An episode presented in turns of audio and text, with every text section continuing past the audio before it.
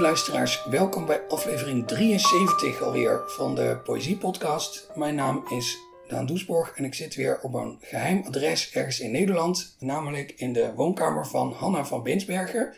Uh, dankjewel dat ik langs moet komen. Ja, leuk dat je bent. Uh, jij hebt, uh, ik zal maar meteen met de deur in huis vallen, een gedicht van Frank Keizer voor je liggen. Klopt. Wil je er iets over zeggen of gaan we er gewoon onbevangen naar luisteren? ik denk dat ik het eerst gewoon even voorlees en dan daarna gaan we het erover hebben. Top. De introductie van het verkavelen. Zeg, het bestaande verhaal dat de gemeenschappelijk beweide gronden en akkerland eerst tot kleinere kavels werden gemaakt. Wat is daarmee? Daar waar zogenaamd vrije associatie plaatsvond? Ja. Het klopt niet. Wat gebeurde er dan? Het was een langdurig proces, en daarin was de vrije, kleinschalige productie hoogstens een interregnum. Tussen het verdwijnen van de horigheid en de opkomst van de grootscheepse verjagingen. Dus wat nu? Misschien kunnen we een gelijkenis introduceren. Het verval van de gouden tijd en de tijd van helden, tot de bittere ijzertijd en het geslacht van nu. Een oud verhaal. Voortaan werkte zij in het zweet des aanschijns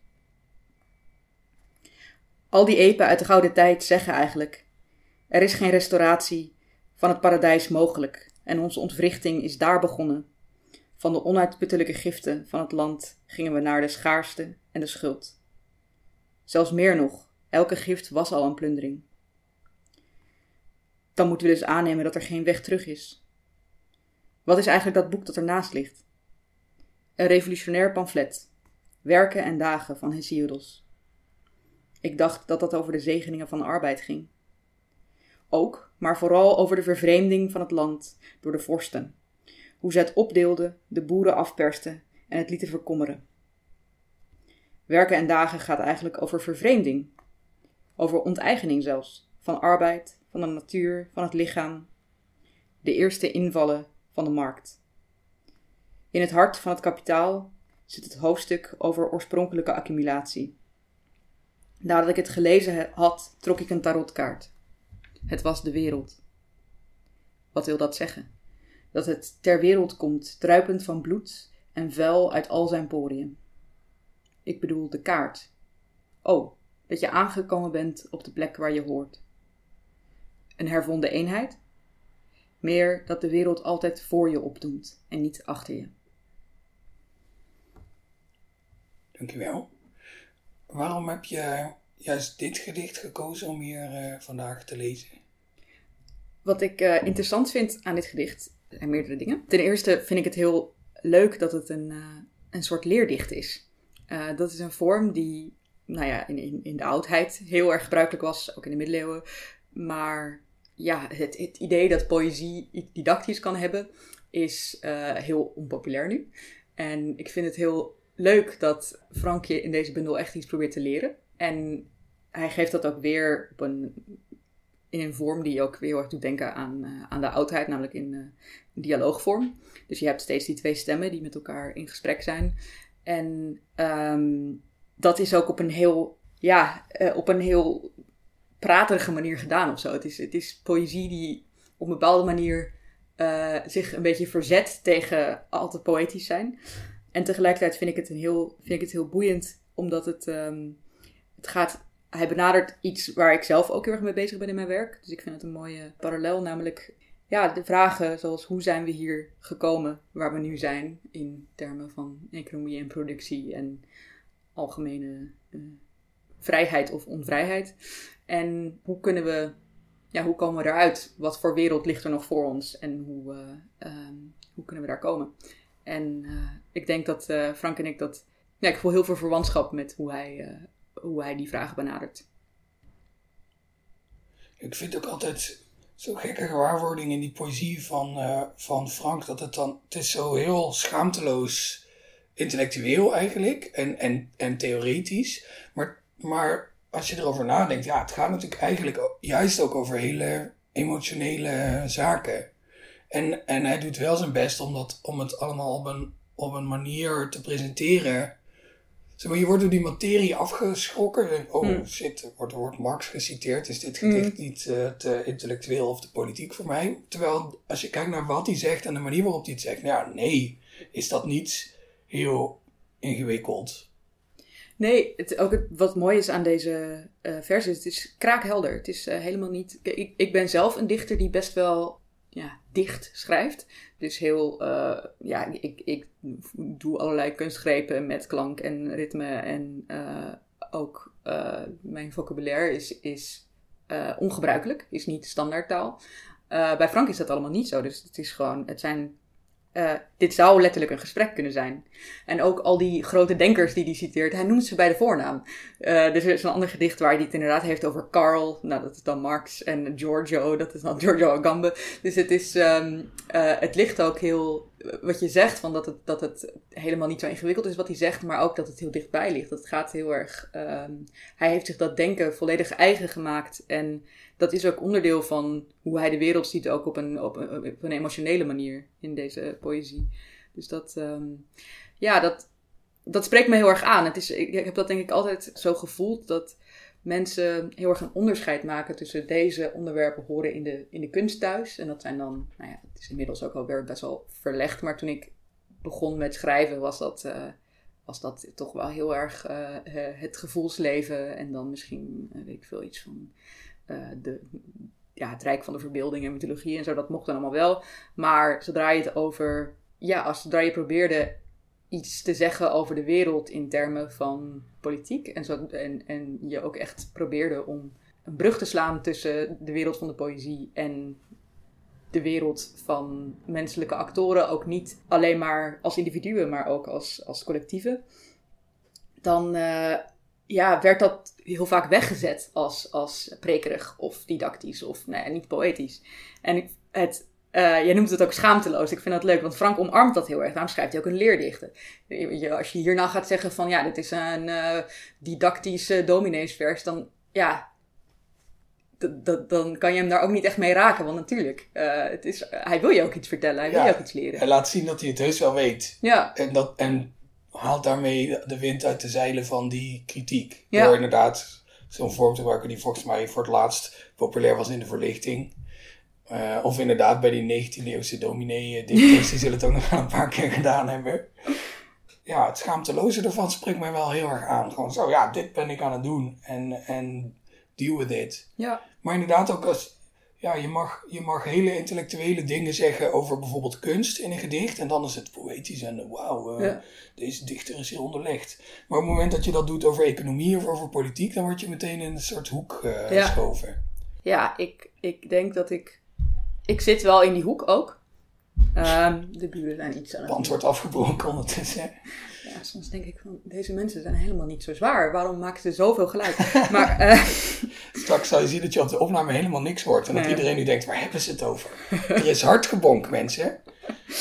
ehm, wat wilde ik zeggen? Eh, eh, ja, die hoek. De hoek van eh, de poëzie die iets eh, politieks wil zeggen. Nou, die hoek is inmiddels flink uitgebreid sinds Frank en ik begonnen als, als dichters. Ehm, dat was ook ongeveer, nou Frank was iets, iets ouder dan ik, begon ook iets eerder met publiceren. Maar we zijn wel, ja Frank is, is een eh, goede vriend van mij en ook een dichter die mij al heel lang vrij nastaat. Ook mijn eerste publicatie eh, was in Sample Canon. Dat is een tijdschrift van wat hij en Maarten van der Graaf samen hebben opgericht. Uh, dus het is, ehm, ja, die ontwikkeling. We hebben dat pad best ook wel samen bewandeld. En elkaar uit elkaar gegaan en weer elkaar weer tegengekomen. En ik denk dat ik altijd wel. Ik heb mijzelf altijd heel erg in de hoek uh, voelen zitten van ja, de politieke poëzie. En ik denk dat heel veel van de inzet van mijn poëzie en van mijn poëtica is ook ja, gemotiveerd door het politieke. En dat is iets waar ik mee worstel. Uh, ik heb nog steeds niet heel uh, heldere antwoorden op hoe je bijvoorbeeld moet omgaan met het feit dat op het moment dat je poëzie schrijft, dat je sowieso schrijft voor een, een elite, een hele kleine elite. Terwijl, ja, als je politiek algemene emancipatoire is en ook juist het heel erg gaat over het, het overwinnen van elites, is dat natuurlijk een contradictie. En het is een contradictie die we niet binnen de poëzie kunnen oplossen. En dat, dat zijn dingen die in mijn werk naar voren komen. Tegelijkertijd is er ook iets wat, en dat merk ik ook heel erg in, in hoe mijn werk wordt, wordt opgevat, dus in de, in, de, in de kritiek, dat die politieke laag eigenlijk vaak wordt uh, genegeerd uh, en dat dan de affectieve laag, dus juist, nou ja, ik denk dat bij mij ook heel erg de vermenging tussen het affectieve, emotionele en het politieke uh, plaatsvindt.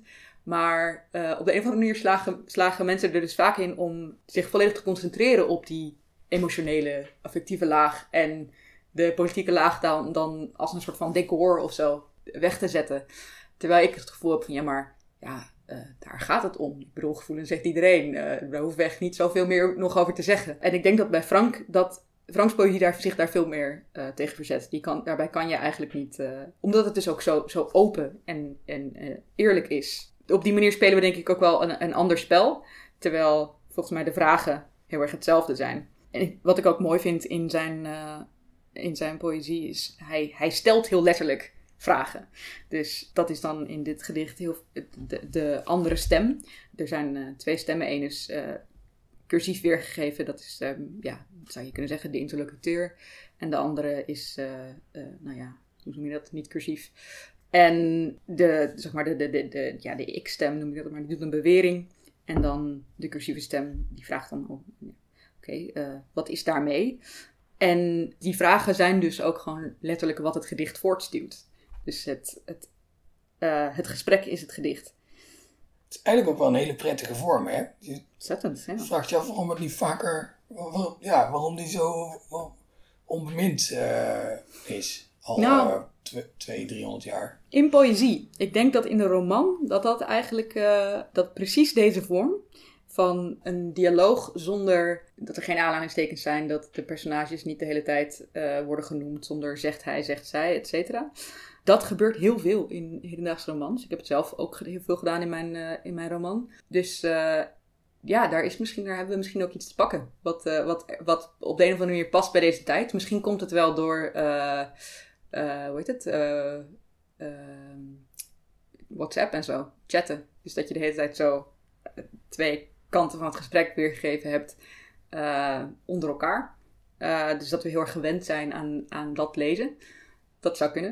In ieder geval is het, is iets wat me al een tijdje opvalt. Dat dat dus heel veel, in proza dus vooral heel veel voorkomt. Maar te zeggen van, dat is het gedicht dat is, dat is inderdaad iets wat je, niet, uh, wat je niet vaak tegenkomt. En wat ik ja, stoer vind van Frank ook. Ja, zeker. Ik vind het wel een interessant idee wat je zegt inderdaad. Dat voor, voor WhatsApp had je dan natuurlijk wel e-mail en daarvoor MSN brieven. ook wel, hè? Ja, dat ook wel inderdaad. Maar dat was minder wijdverbreid. Ik bedoel, mijn moeder zat niet op MSN, maar die nee, zat wel op WhatsApp. Dat is waar, ja. Maar dat ze dus daarvoor inderdaad gewend was om geschreven tekst, maar communicatie in, in schrift te zien als gewoon, oké, jij mag, een, jij mag een mhm. betoog houden en dan hou ik een betoog. Terwijl we nu natuurlijk veel meer gewend zijn om ook dialogen uitgeschreven te zien. Daar kunnen we nooit zo bij stilstaan. Dat vind ik een spannend, spannend idee. Ja, ik, ja dat, ik denk dat dat, dat, dat best wel uh, veel invloed heeft. Ik bedoel, ik, mensen zeggen altijd van ja, mensen lezen niet meer. En dat is natuurlijk, ik bedoel, dat is een probleem en dat is waar. Mensen lezen geen boeken. En uh, dat is vooral heel jammer voor hen, want er staat gewoon heel veel moois in boeken.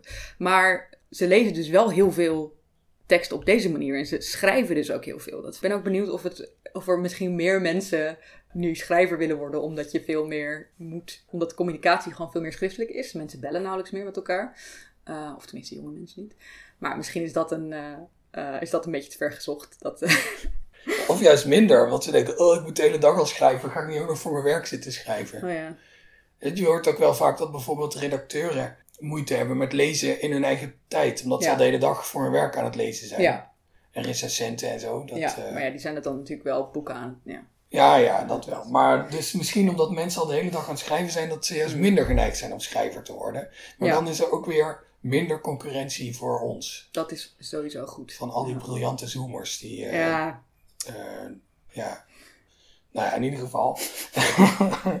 het is een beetje een zijspoor. Ja, maar ik ben dol op zijsporen. Die mm. altijd vol overgave uh, sla ik die in.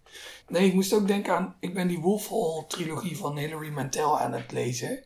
En ik had het idee... Dus in dat eerste deel doet zij dat ook heel erg. Dus alle dialogen geven niet echt aan wie wat zegt. Dus dat Mm. moet je dan zelf een beetje, een beetje uitvogelen. En dat gaat meestal goed. En soms moet je echt even, oké, wacht, hij zegt dat. Dan zegt hij. Mm. Maar ook omdat het in de derde persoon geschreven is. En natuurlijk aan dat, aan dat hof, ja, toch hoofdzakelijk mannen rondlopen. Zegt ze de hele tijd gewoon hij dit en hij dat. En dan moet je ook zelf een beetje uitvinden naar welke hij ze dan Ja, verwijst. Eerst vond ik dat irritant, maar hoe langer ik erin zat, dacht ik, ja nee, het, is, het, heeft, het heeft ook wel iets, want je moet heel goed op blijven letten. Ja. En toen zag ik in dat tweede deel en in dat derde deel dat ze dan af en toe hij, Cromwell Ja. gebruikt om het duidelijker te maken. Wat ik eigenlijk jammer vond. Zit er een of andere redacteur waarschijnlijk die tegen Ja. haar gezegd heeft, nou dit is, moet je wel een beetje beter op letten. Welke hij heb je het nou over? Ja, terwijl laat dat lekker open. ja. Echt helemaal niks met het gedicht van Frank te maken ook dit. Maar daar dacht ik ineens aan. Nou ja, het- ik vind het wel een interessante vraag, want je gaat natuurlijk ook in deze bundel. eh, zijn er eigenlijk de hele tijd eh, twee mensen aan het woord. Ehm, tenminste, ik ga ervan uit dat, het- dat het steeds wel dezelfde mensen zijn.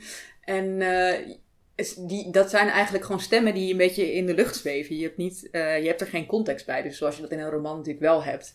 Dus ja, als je, als je zo'n dialoog leest, zoals in Wolf Hall of zo, dan zou je natuurlijk meteen... Er is in de rest van het boek eh, genoeg houvast om dat terug te leiden tot een personage. Maar nu, in de bundel van Frank, ja, is dit het? Er, is- er is niet nog een... een eh, dus misschien het enige wat je hebt is dat je denkt... Oké, een van die stemmen is misschien dit dichter. Eh, dus daar kan je dan een... eh, ja, daar kan je je fantasie op loslaten. Maar als je dat niet doet, eh, dan heb je ook een... ehm, het, het, het, het, legt een soort van universaliteit op aan, het, aan dit gesprek. Het zou iedereen kunnen zijn. Het is een, de, de, de, de, mensen die spreken hebben geen specifieke kenmerken gekregen. Ehm, wat dat betreft doet het ook een beetje denken aan een, aan een theatertekst. Dus het zijn gewoon, ja, je hebt deze stem en je hebt deze stem. En dan de context, eh, de situering van die mensen en hoe ze eruit zien. en Zo, dat, dat moet je zelf bedenken, of dat moet de regisseur dan bedenken.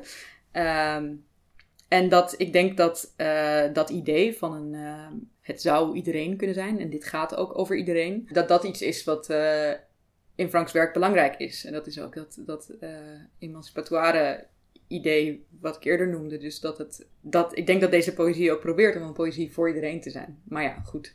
Eh, eh, maar heel weinig mensen, maar een heel klein deel van iedereen gaat dit daadwerkelijk lezen. En eh, ik kan daar soms echt wel hartzeer van hebben hoor. Zeker met deze bundel dacht ik van, ja, godverdomme, dit is zo, dit is zo mooi. En zelfs van de poëzielezers gaat maar een selecte groep dat doorhebben en dat ervaren. Ja, dat, dat doet me pijn. Dat kan, daar kan ik eerlijk over zijn. Ja, misschien kan je het wel eh, dan, om, om, om toch je steentje bij te dragen aan de verdere verspreiding van deze bundel, voor de paar honderd luisteraars van deze podcast, het gedicht nog een keer lezen. Ja, ja dat eh, zal ik doen. De introductie van het verkavelen. Zeg, het bestaande verhaal dat de gemeenschappelijk beweide gronden en akkerland eerst tot kleinere kavels werden gemaakt. Wat is daarmee? Daar waar zogenaamd vrije associatie plaatsvond. Ja, het klopt niet. Wat gebeurde er dan? Het was een langdurig proces, en daarin was de vrije, kleinschalige productie hoogstens een interregnum. Tussen het verdwijnen van de horigheid en de opkomst van de grootscheepse verjagingen. Dus wat nu? Misschien kunnen we een gelijkenis introduceren. Het verval van de gouden tijd en de tijd van helden, tot de bittere ijzertijd en het geslacht van nu. Een oud verhaal. Voortaan werkten zij in het zweet des aanschijns. Al die epen uit de oude tijd zeggen eigenlijk: er is geen restauratie van het paradijs mogelijk. En onze ontwrichting is daar begonnen. Van de onuitputtelijke giften van het land gingen we naar het schaarste en schuld. Zelfs nog meer. Elke gift was al een plundering. Dan moeten we dus aannemen dat er geen weg terug is. Wat is eigenlijk dat boek dat ernaast ligt? Een revolutionair pamflet. Werken en dagen van Hesiodos. Ik dacht dat het over de zegeningen van arbeid ging. Ook, maar vooral over de vervreemding van het land door de vorsten. Hoe ze het opdeelden, de boeren afpersten en het lieten verkommeren.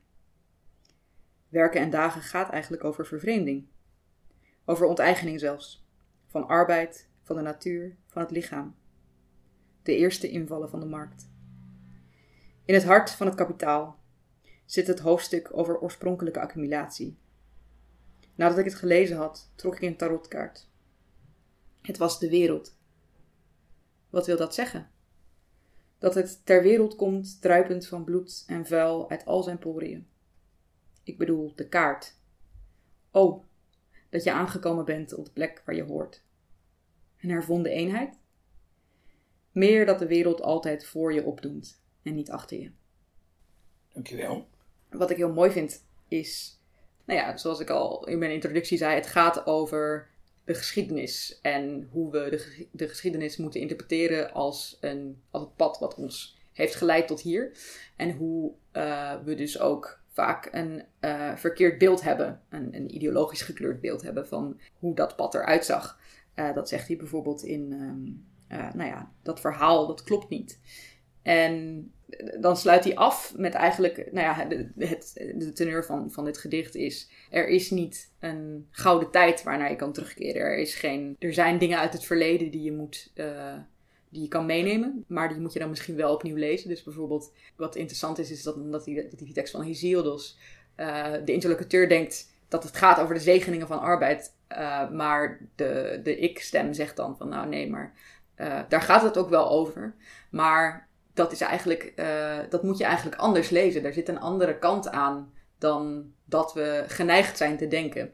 Dus het is een, echt ook een pleidooi voor de geschiedenis eigenlijk weer ter hand nemen en goed bekijken. En kijken wat er nou eigenlijk, uh, naar waar de schoen ook wringt. Naar wat er, wat er dingen zijn die eigenlijk anders zitten dan wat, we, dan wat, we, wat ons altijd verteld is. En dan komt hij uiteindelijk uit bij uh, nou ja, er, zoiets van een hervonden eenheid. Dat is, dat is niet mogelijk, maar er is wel, of tenminste, dat is niet een, een, een teruggang. Maar de wereld doemt voor je op en niet achter je. Dus ja, de, de weg naar een gemeenschappelijke toekomst, dat is, ja, dat, dat, dat is onze inzet. En daar is het ook, ja, die erfenis uit het verleden moet je dus ook strategisch inzetten uh, daarvoor. Nou ja, ik, ik vond het frappant dat, dat dit heel erg dingen zijn waar ik zelf ook uh, mee bezig ben geweest in, in mijn bundel. Dus ik heb ook zo'n uh, soort van big history gedicht. Dat ga ik zo ook voorlezen.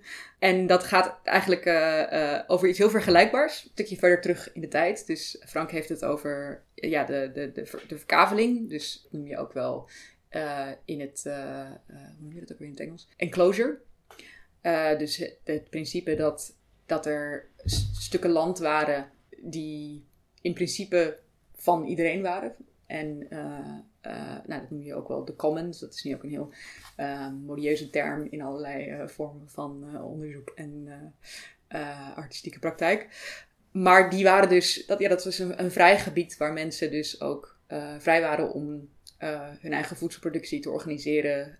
bossen waaruit mensen konden, waar mensen konden jagen zonder dat dat ja, een aantasting was van iemands eigendom. En daar is toen in de loop van de middeleeuwen een, uh, steeds meer, nou, dat steeds meer aan banden gelegd. En uh, wat Frank nu eigenlijk uh, beweert, is dat dat niet een proces was van we gaan over van het ene, namelijk de commons, naar een soort klijnschaliger verdeling van het land voor productie, voor landbouwproductie. En dan daarna is het kapitalisme. Uh, maar hij zegt van dat proces van uh, verkaveling, dat was eigenlijk, had eigenlijk al te maken met de opkomst van ja, een vorm van een voorstadium van het kapitalisme. En dat noem je primitieve accumulatie. En dat heeft dus uiteindelijk geleid tot het ontstaan van een arbeidersklasse, die er daarvoor dus niet was. Maar toen had je horigheid. Ja, ik vind het echt heel leuk dat hier een gedicht over is. Ja, ik heb, ik heb hier veel over gelezen. Uh, en dan, nou ja, een beetje vergelijkbare boeken als uh, Frank. Dus, nou ja, ik zie hier veel uh, Marx in, maar ook veel Silvia Federici. die heeft hier ook veel over geschreven in, in het boek Caliban and the Witch. Maar om dit in poëtische vorm te lezen, ja, ik vraag me dan af hoe dat. misschien is dat een leuke vraag aan jou. Ik weet niet hoe, hoe diep jij in die, in die theorie zit. Helemaal niet hoe, hoe lees je dit dan? Dus voor mij is het, heel, ja, is het heel herkenbaar en ik weet denk ik precies waar hij het over heeft. Maar als je daar niet zo in zit, hoe, hoe komt dit dan binnen? Ik denk als iemand die, die een soort venster opent naar die theorie, eh, als, een soort, als een soort introductie daarop. En waardoor je dan na gaat denken van, oh, dit heeft daar en daar mee te maken. En eh, ik heb bijvoorbeeld wel, ken je dat boek The, The Hungry City van Caroline Steele? Die heb ik dan wel gelezen. En dat gaat eigenlijk over hoe we in steden omgaan met voedsel in alle opzichten. Dus Ja. wat zij steeds doet is, ze neemt een bepaald aspect, eh, de keuken, eh, riolering, het houden van vee, weet je, dat soort dingen. En ze gaat dan eerst helemaal terug naar de eerste vormen daarvan. En volgt dat dan helemaal tot in het nu. Mhm.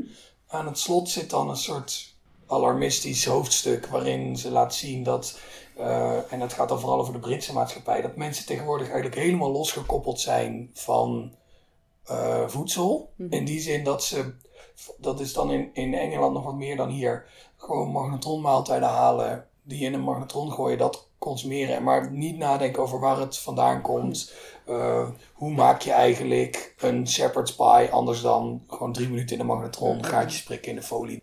En wat daar heel interessant aan is, is dat, dat ze dus, ze, gaat helemaal terug. En dan zie je dat er, dat er een soort innovatie plaatsvindt. Dus eh, we vestigen ons op één plek en we gaan graan opslaan. En dat levert weer allerlei nieuwe mogelijkheden op. En die innovatie wordt vervolgens eigenlijk telkens rond de industriële revolutie raakt die gecorrumpeerd. En wordt het, wordt het steeds eh, eh, schever allemaal. Mm. En, en vindt er ook steeds meer onthechting plaats tussen iets wat eigenlijk iets heel fundamenteel is aan het leven. Namelijk gewoon wat je in je mond stopt om Mm. niet dood te gaan. Dus dat, dat hele idee, dat, daar was ik al wel mee vertrouwd. Daar moet ik dan aan denken. Terwijl dit Ja. natuurlijk ook weer iets nieuws toevoegt. En zo denk ik dat iedereen wel iets heeft om, om, op, om op aan te haken in dit Ja. gedicht. Maar ook iets nieuws tegenkomt. Wat natuurlijk heel mooi is dat dat, eh, dat, dat erin zit. Ja. Ja, zeker. Oh, dat is ook wel heel leuk om te horen. Ik ken dit boek niet. Het is een heel mooi boek. Ja, het is een heel deprimerend boek, maar Ja. het is heel goed geschreven. Ja. Nou, zullen we Ehm, doorgaan naar... eh, Ja, ik wou net zeggen, ik probeer altijd heel geforceerd dan een bruggetje te bedenken. Maar dat heb je eigenlijk al heel mooi zelf gedaan. eh, naar jouw eigen gedicht. En dat moeten we dus lezen als een soort prequel op dit gedicht. Nou ja, het, het, het speelt zich eh, een paar duizend jaar eerder af. En, eh, maar Frank het heeft over dus de, de verkaveling. eh, die dus ja, aan, het beetje het einde aankondigt van het feodale stelsel. Heb ik het over het, wat je met een beetje fantasie het allereerste begin daarvan zou kunnen noemen. Dus ik heb het over de ehm, introductie van de landbouw. Eh, dat is een beetje een soort van, als ik mijn het gedicht een soort van Frank Keizer titel zou moeten nemen, zou je kunnen zeggen introductie van de landbouw. Ehm, maar het heet eigenlijk Dolen. De rotgang der geschiedenis begon met bouw. Arm land, wat dacht je? Dat ze murwen en nietig in de bivak zouden blijven. Elke dood een schok en honger dagelijks, soms dodelijk. Breek af dit doolhof, zeiden zij, en maak een kavel. Zo begon ons dolen. Helderte verscheen. De kleinste streep schoot naar de verte en zang vloog dertig eeuwen later uit het stof om ons de oren af te zagen, hier en nu, waar wij al lang een eigen lering trokken. Ons alfabet, ons plaagtuig. Een borgpen voor een schommelend visioen, zolang de pot nog papt. Maar het drijft, ons narrenschip, drijft het dan niet. Vallend lopen, recht de armen in van de vermoeidheid. Ja, behapte stof. Ja, eigendomme schuld. En alles wat de vuur staat brandt.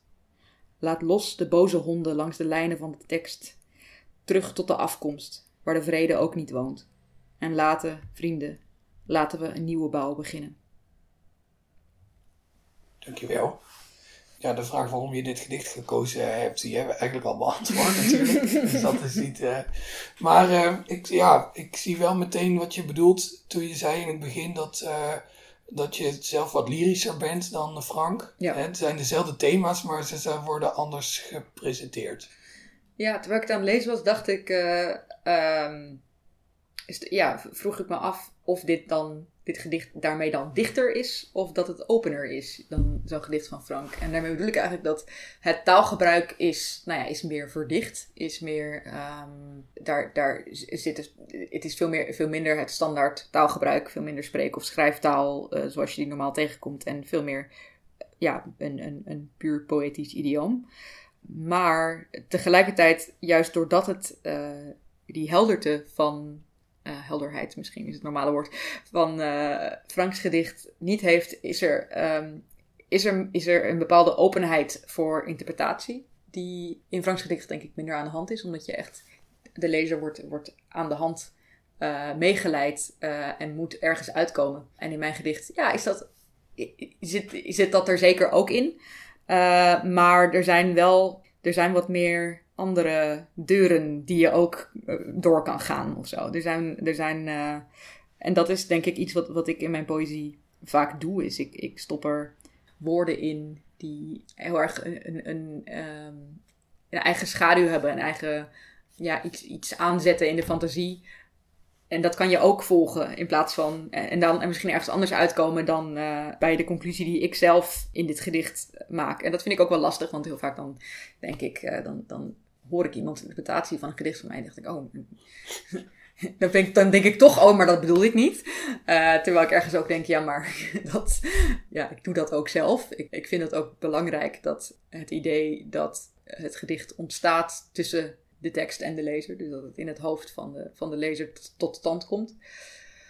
Uh, maar ja, tegelijkertijd kan ik dan ook weer dus denken, bijvoorbeeld in, in, uh, in het eerste gedicht van mijn bundel, of nee, het tweede eigenlijk, is er uh, op een gegeven moment, uh, spreek ik van de leegste zielen. De leegste zielen waar je op naar de onsterfelijkheid of de oneindigheid of zo. En mensen vatten die leegste zielen dus vaak op, heb ik gemerkt, als oppervlakkig. En dat is echt totaal niet wat ik bedoel.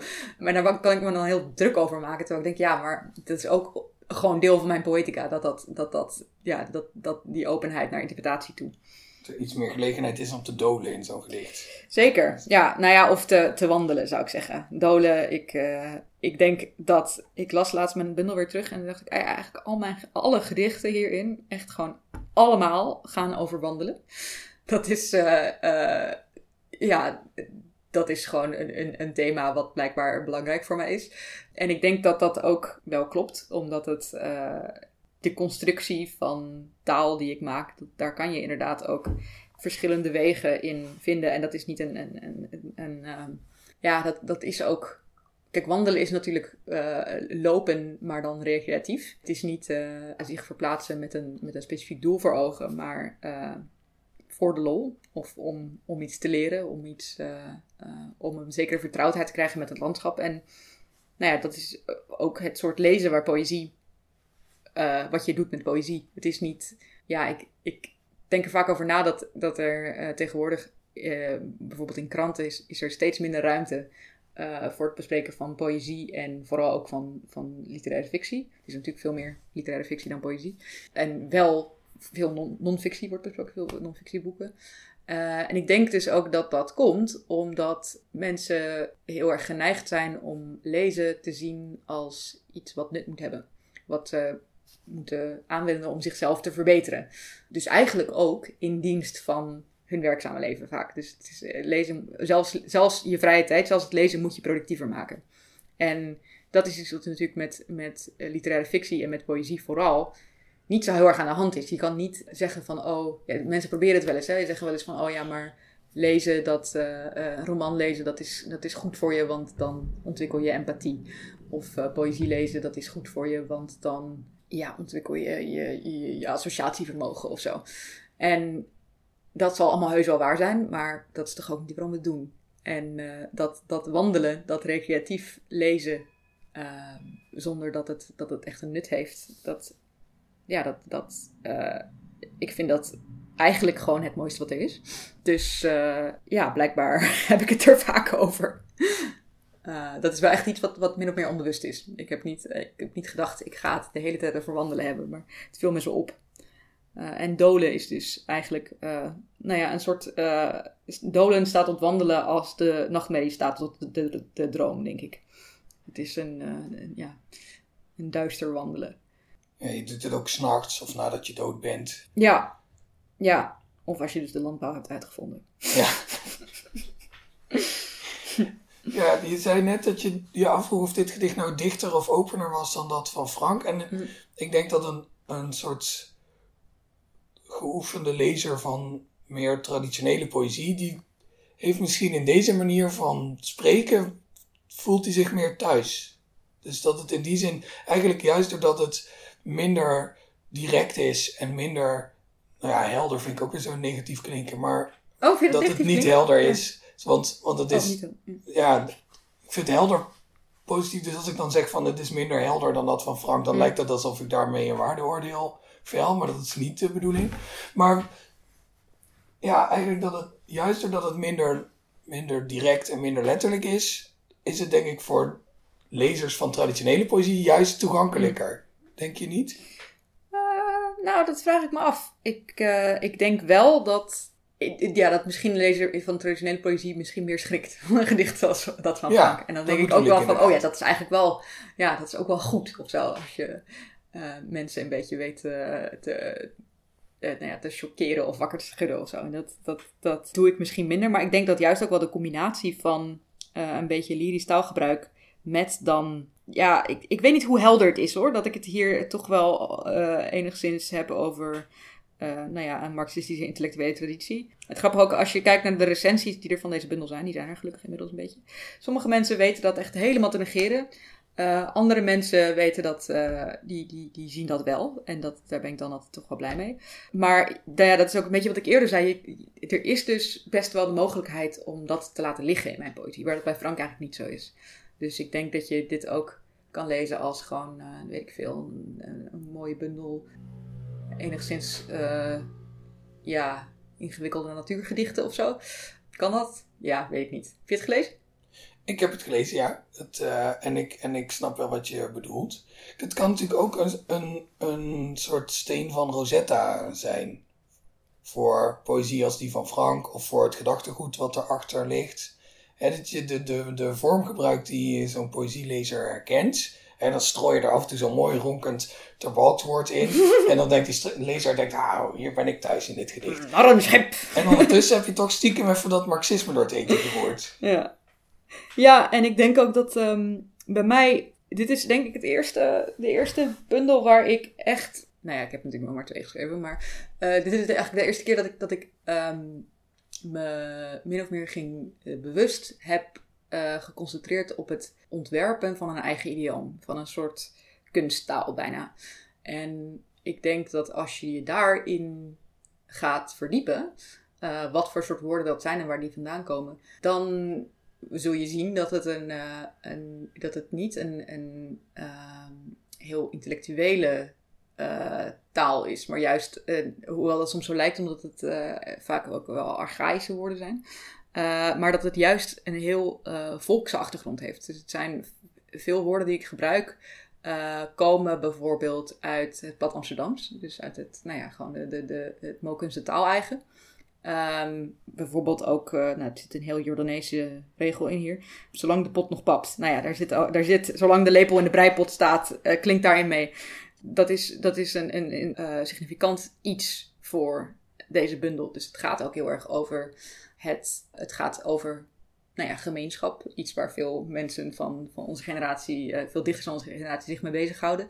Maar het gaat over het vinden van, van die gemeenschap op een soort universeel menselijk niveau. En is niet per se intellectuele geestesverwanten, maar mensen die eh, eh, de, de dingen waaromheen die vereniging plaatsvindt, zijn eigenlijk dingen zoals eten, wandelen. En ja, er zit, daar zit dus ook een soort van universalisme in. Dus het, is niet eh, alleen de bijzondere. de- de- alleen, nou dat is in het openingsgedicht ehm, gaat het over, heb ik het over het paradijs. En deze hele bundel is eigenlijk een, eh, een soort eh, afwijzing van het idee van het christelijke paradijs. Nou kan je natuurlijk denken van ja, maar wat moet ik daarmee? We zijn helemaal niet meer zo heel erg christelijk met z'n allen. Dat is waar. Maar je zou natuurlijk, ik, het is meer een, ehm, eh, je kan dat, het is ook meer een, soort metafoor voor iets wat je, wat je breder zou kunnen trekken. Dus het idee dat eh, het goede leven, dat de beloning als het ware voor eh, deugdzaamheid of wat dan ook, dat dat iets exclusiefs is. Waar je heel erg je best voor moet doen. En dan kun je daar binnentreden.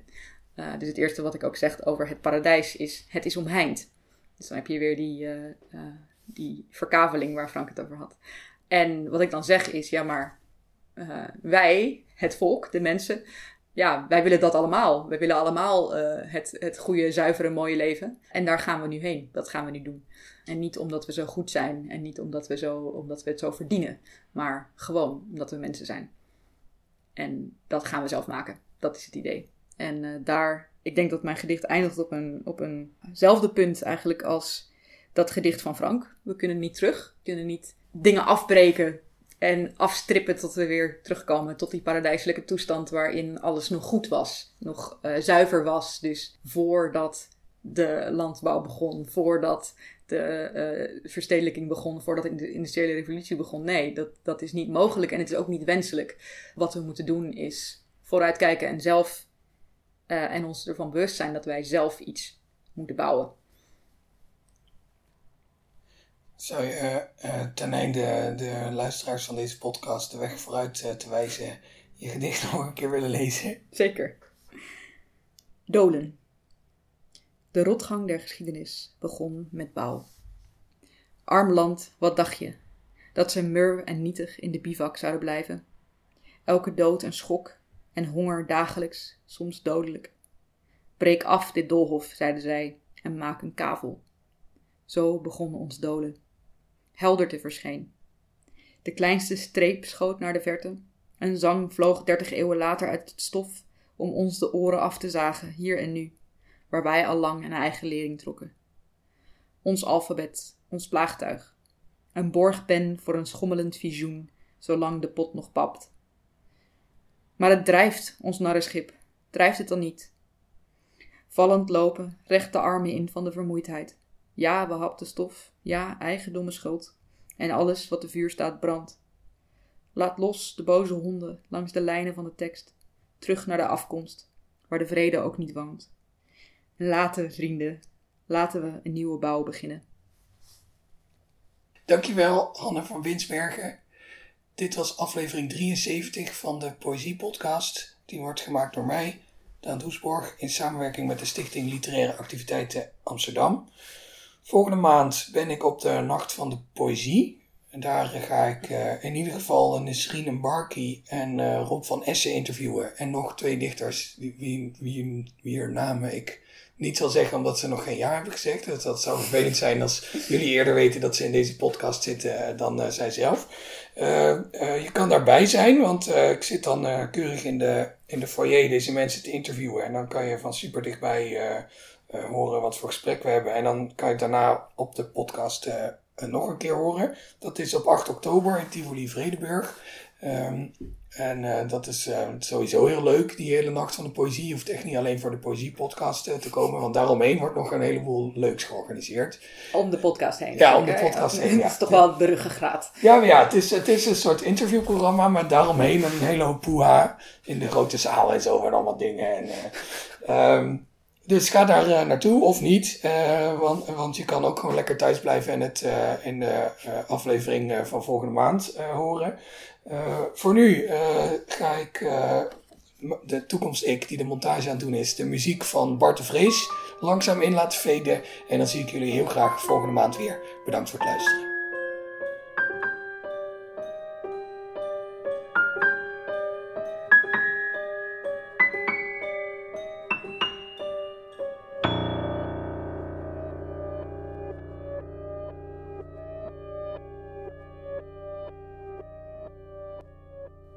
Je luisterde naar een aflevering van de Poëzie Podcast. Daan Doesborg is schrijver en presentator. In 2010 werd hij Nederlands kampioen Poetry Slam. Momenteel werkt hij aan zijn debuutroman, die zal verschijnen bij uitgeverij Van Oorschot. De Poëzie Podcast wordt mede mogelijk gemaakt door de Stichting Literaire Activiteiten Amsterdam. Bij ons draait alles om literatuur. We maken programma's voor de hele stad, online en offline. Al onze podcasts zijn ook te beluisteren via onze website www.sla.nl slash slaakast.